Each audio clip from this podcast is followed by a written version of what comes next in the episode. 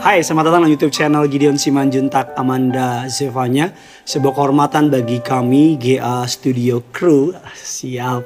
Untuk dipercaya oleh Tuhan membagikan kabar baik bagi setiap saudara di mana pun saudara berada yang menyaksikan dalam rumah, dalam kantor, dalam perjalanan menuju ke kantor. Karena saya banyak mendapat uh, DM atau mention di sosial media kami bahwa banyak sekali yang menyaksikan dalam keadaan di kereta, di bus, atau dalam kendaraan pribadi yang terpenting uh, saudara harus memastikan keselamatan saudara dan kalau bisa menyaksikan acara ini dalam keadaan tenang dan terfokus tanpa dapat terganggu dengan hal yang lain. Tapi kapan pun sama menyaksikan ini pagi, siang, sore, malam, in any time Tuhan Yesus mengasihi saudara. Mari sama-sama kita bersatu dalam doa. Tuhan yang baik, Tuhan yang kami sembah dalam nama Tuhan Yesus. Kami mau siapkan hati kami disambut oleh kebenaran firman Tuhan. Kami percaya firman-Mu adalah pelita bagi kaki kami, terang bagi jalan kami, kekuatan dalam hidup ini. Kami siapkan hati kami untuk diberkati. Pakai hambamu agar boleh menjadi saluran berkat di bibirnya dipakai itu kemuliaan bagi namamu bekerjalah melalui perantara hambamu Tuhan bahkan Allah Roh Kudus engkau disambut di tengah-tengah kami berbicara atas setiap kami. Siapa pun yang menyaksikan renungan singkat ini mereka pasti diberkati mereka dipulihkan mereka dikuatkan. Di dalam nama Tuhan Yesus. Sama-sama kita yang siap diberkati. Kita katakan amin. Dalam hal ini kita akan membahas sebuah tema self love atau mengasihi diri sendiri. Kemarin kita sempat membahas mengenai mengasihi uh, diri sendiri, mengasihi orang lain dan sebagainya. Tapi hari kita mau membahas mengenai mengasihi diri sendiri. Karena firman Allah mengatakan dalam Rut 1 ayat 1 sampai ayat ke-6 mengatakan demikian. Pada zaman para hakim memerintah, ada kelaparan di tanah Israel. Lalu pergilah seorang dari Bethlehem Yehuda beserta isinya dan kedua anaknya laki-laki ke daerah Moab untuk menetap di sana sebagai orang asing. Nama orang itu ialah Elimelek, nama istrinya Naomi, nama kedua anaknya Mahon dan Kilion, semuanya orang-orang Efrata dari Bethlehem, Yehuda. Dan setelah sampai ke daerah Moab, diamlah mereka di sana. Kemudian matilah Elimelek, suami dari Naomi, sehingga perempuan itu tinggal dengan kedua anaknya. Keduanya mengambil perempuan Moab, yang pertama bernama Orfa, yang kedua bernama Ruth dan mereka diam di situ kira-kira 10 tahun lamanya. Lalu matilah juga keduanya, yakni Mahlon dan Kilion. Sehingga perempuan itu kehilangan kedua anaknya dan suaminya. Kemudian berkemaslah ia dengan kedua menantunya, ia pulang dari daerah Moab. Sebab di daerah Moab ia mendengar bahwa Tuhan telah memperhatikan umatnya dan memberikan makanan kepada mereka. Long story short, Naomi bersama dengan suami dan anak-anaknya berangkat ke Moab. Dia meninggalkan tanah perjanjian pergi ke New Land tempat yang baru. Dan kita semua tahu keadaan berjalan tidak seperti yang Naomi mau. Karena suaminya meninggal Melek dan juga kedua orang anaknya juga meninggal. Saudara bisa bayangin suaminya mati, kedua anak laki-lakinya mati, di saat dia sudah tua, sudah rentan, menantunya Orpa, kalau sudah baca dalam ayat yang ke-14 juga meninggalkan dia. Naomi hidupnya begitu sedih, hidupnya sangat pahit Alkitab mengatakan, kalau boleh baca dalam Rut 1 yang ke-20 berkatakan demikian. Tetapi ia berkata kepada mereka orang-orang Israel, Janganlah sebut aku Naomi, sebutlah aku marah. Sebab yang maha kuasa telah melakukan yang pahit kepadaku. Dengan tangan yang penuh aku pergi, tapi dengan tangan yang kosong Tuhan memulangkan aku. Mengapa kamu menyebut aku Naomi? Karena Tuhan telah naik saksi menentang aku dan yang maha kuasa telah mendatangkan malapetaka kepadaku. Menantunya yang pertama namanya Orpa. Orpa artinya adalah the broken dreams atau artinya kekecewaan.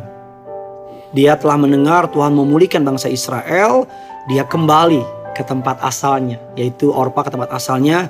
Naomi melepaskan kesedihannya dan kepedihannya. Ia mengarahkan pandangannya kepada janji Tuhan. Meskipun dia harus ditinggal oleh menantunya, tapi Naomi mengikuti kembali kepada tanah perjanjian tanah yang Allah janjikan kepada umat pilihannya. Naomi adalah orang yang berjuang untuk Ruth sehingga Ruth akhirnya menikah dengan Boas. Visi ketika dia kembali ke tanah perjanjian, Boas bisa bertemu dengan Ruth dan dari hal itu kita tahu dari Ruth lahirlah Obed dan dari Obed lahirlah Isai dan dari Isai lahirlah Daud. Tahukah saudara, arti nama Naomi adalah perempuan yang menyenangkan, penuh hal-hal yang menarik.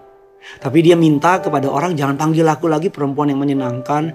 Jangan panggil aku lagi penuh dengan hal yang menyenangkan atau perempuan yang menarik. Tapi panggil aku sebagai marah. Yang artinya banyak hal pahit terjadi dalam hidupku. Tahukah saudara ada banyak orang menganggap hidupnya terlalu pahit untuk Tuhan pulihkan. Hidupnya terlalu berat untuk Tuhan pakai. Ada banyak orang menganggap saya sudah hancur berkeping-keping Gak mungkin Tuhan pakai saya. Gak mungkin Tuhan bisa pulihkan saya. Hari ini kita belajar di sebuah kisah namanya Naomi. Dia menganggap mengalami suaminya meninggal, kedua orang anaknya meninggal. Bahkan dia berkata, dengan tangan penuh aku pergi, dengan tangan kosong Tuhan memulangkan aku. Yang maha kuasa telah naik saksi melawan aku. Dia melebih-lebihkan keadaannya, betul keadaannya buruk. Tapi dia berkata seakan-akan Tuhan salah, Tuhan gagal. Seakan-akan Tuhan menaik saksi menentang dia. Hari kita akan belajar bagaimana kita dapat mengasihi diri kita sendiri. Bagaimana kita dapat mencintai diri kita sendiri. Bagaimana kita bisa mengalami berkat Tuhan yang luar biasa. Yang pertama, bagaimana kita merespon kekecewaan dan kepahitan dalam hidup ini akan menentukan kehidupan kita. Yang pertama saya tulis dalam slide saya, tidak perlu marah atau kecewa berlebihan tidak membawa masa lalu di tempat yang baru. Move on. Whatever it is, apa pun yang terjadi di masa lalu saudara, rasa sakit, kecewa, rasa benci, apa pun itu tinggalkan. Karena saya nggak peduli apa pun yang orang perbuat sama saudara di masa lalu, masa lalu is masa lalu. Tuhan punya masa depan yang indah. That's why disebut sebagai masa lalu. That's why Tuhan menaruh mata kita di depan, badan kita di depan. Karena Tuhan mau kita terfokus bukan kepada yang di belakang, Tuhan mau kita terfokus kepada apa yang ada di depan kita. That's why Rasul Paulus mengatakan aku melupakan apa yang ada di belakangku dan mengarahkan diri kepada apa yang ada di depanku dan berlari-lari kepada panggilan Tuhan. Yang kedua melepaskan hal-hal yang menghambat kita menuju janji Tuhan. Naomi meninggalkan Moab. Moab adalah gambaran dunia kembali kepada yang namanya tanah perjanjian kepada Tuhan. Orpa pergi, Moab pergi, Naomi tinggalkan. Abraham meninggalkan Ur Kasdim untuk ikut Tuhan. Seringkali sebelum Tuhan dapat memakai kita dengan hebat, luar biasa dan gagah perkasa. Tuhan mau kita meninggalkan apa pun yang menyakiti kita. Jangan diingat-ingat lagi perkataan orang yang menyakitimu. Jangan ingat lagi perkataan orang tuamu yang berkata papamu, anakmu atau atau kakakmu lebih pinter, adikmu lebih pinter. Jangan dengar, jangan ingat lagi perkataan bosmu atau temenmu yang bilang, "Eh, lo lebih cantik, lo lebih dan sebagainya dan sebagainya." Tinggalkan semua yang menyakiti saudara. Dan berikutnya dikatakan Trust God. Percaya bahwa Tuhan akan menggenapi janji dalam hidup saudara dan saya. Lukas 9:62 mengatakan, tetapi Yesus berkata, setiap orang yang siap untuk membajak tapi menoleh ke belakang tidak layak untuk kerajaan Allah. Bagaimana cara kita mengasihi diri kita sendiri? Kita masuk dalam poin yang terakhir, yaitu berdamai dengan masa lalu. Berdamai. Masa kecil yang bermasalah, dosa-dosa lampau, karakter-karakter buruk yang merugikan orang, cara berpikir yang tidak dewasa, kecanduan, amarah, dendam, depresi, kesendirian. Semuanya boleh ada di masa lalu tapi jangan kasih tempat untuk di masa yang baru. Apa pun masa lalu saudara, Tuhan sudah mengampuninya. Kalau engkau sudah mengakui dan sudah bereskan, past is past, lalu is lalu. Yang kedua, berdamai dengan diri sendiri berdamai dengan diri sendiri. Jangan lagi berkata coba aja dulu gue begini. Coba aja dulu gue gak sama dia. Coba aja gue gak keluar. Coba aja terlalu banyak. Coba aja, coba aja. Ingat firman Tuhan mengatakan demikian. You are fearfully and wonderfully made. Engkau diciptakan dengan sangat indah. Kejadianmu hebat dan dahsyat. Alkitab katakan saudara diciptakan tidak ada yang sama seperti saudara. You are original. One of a kind. Satu-satunya. Kau diciptakan segambar serupa dengan Allah. Dan yang terakhir, berdamai dalam relasi dengan orang lain. Mendekat dengan komunitas yang membangun. Waktumu sia-sia hidup dengan para dream killers. Para pembunuh-pembunuh mimpi Jangan mendekat dengan orang-orang yang yang tidak membangun. Jangan mendekat dengan orang-orang yang selalu melemparkan toksis perkataan-perkataan yang merendahkan dan sebagainya. Tinggalkan semua. Semakin lama engkau berkomunitas dengan orang-orang yang memberikan energi negatif, berkata engkau kurang ini, kurang ini dan sebagainya, semakin kau akan hancur. Teman-teman yang kita kenal 4-50 tahun yang lalu mungkin bukan teman-teman yang kita butuhkan saat ini. Tapi carilah komunitas, bukan berarti mereka orang jahat. Tapi carilah komunitas yang dapat membangun saudara, membawa lebih dekat kepada Tuhan. Jangan lagi melihat ke belakang, tapi lihatlah ke depan. Pandanglah Tuhan, Tuhan mengasihi saudara dan saya. Bagikan kabar baik ini sebanyak mungkin kepada siapa pun yang saudara kenal, karena saya percaya yang punya surga, crazy in love with you. Yang punya surga sangat mengasihi saudara. Yang punya surga akan dan akan selalu menyediakan rancangan yang terbaik dalam setiap kehidupan saudara dan saya. Kasihi dirimu, cintai dirimu, sama seperti Tuhan mengasihi saudara dan saya. Mari sama-sama kita teguhkan hati kita. Kita mau sembah Tuhan. Kita mau agungkan namanya. Kita mau tinggikan dia. Haleluya.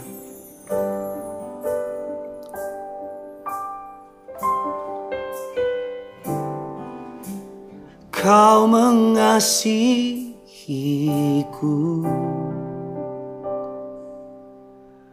Lebih dari yang kuduga bahkan di saatku.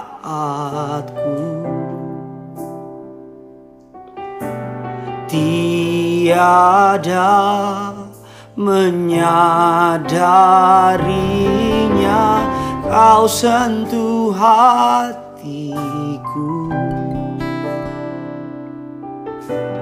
Dengan kasih yang sempurna kau menyayangiku.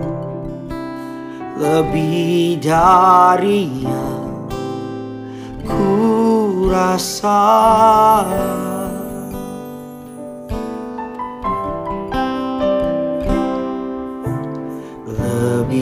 dari Bapa di dunia.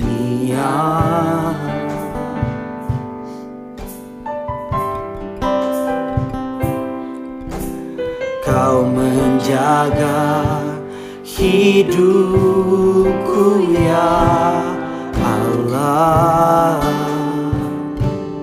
Dengan imanmu akan lebih Bahkan lebih dari kasih. Seorang ibu Engkau selalu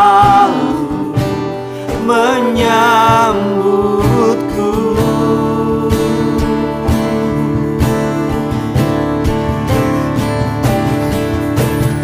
Kau mengasihi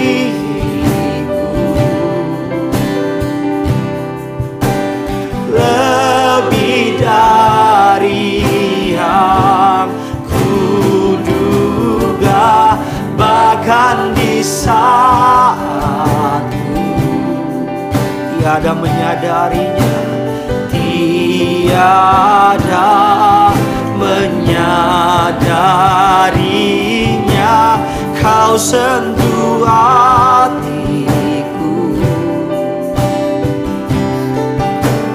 Dengan kasih yang sempurna kau menyayangiku. Lebih dari yang ku rasa sama-sama bawa hatimu, bawa imanmu bilang sama Tuhan Kau mengasihiku. Lebih dari yang kami duga lebih dari yang kuduga bahkan di saat bahkan di saat kami tiada menyadarinya menyadarinya. Kau sentuh hatiku dengan kasih yang sempurna kau menyayangiku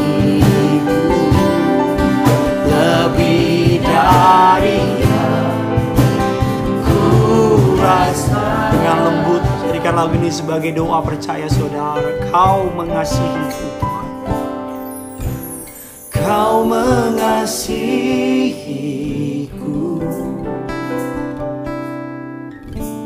Lebih dari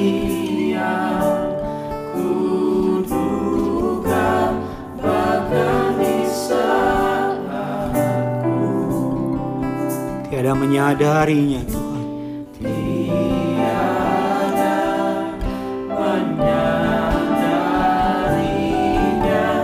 kau sentuh hatiku.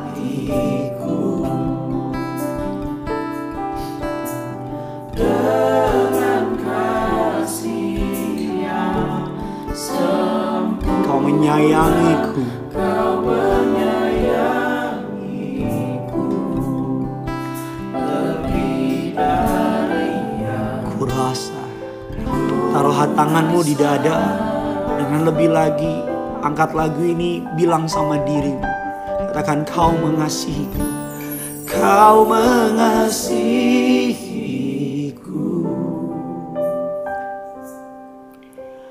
Lebih dari yang kuduga bahkan bisa. Bahkan di saat saudara mungkin merasa Tuhan gak sayang sama saudara tiada menyadarinya. Kau sentuh hatiku. Dengan kasih yang sempurna. Dengan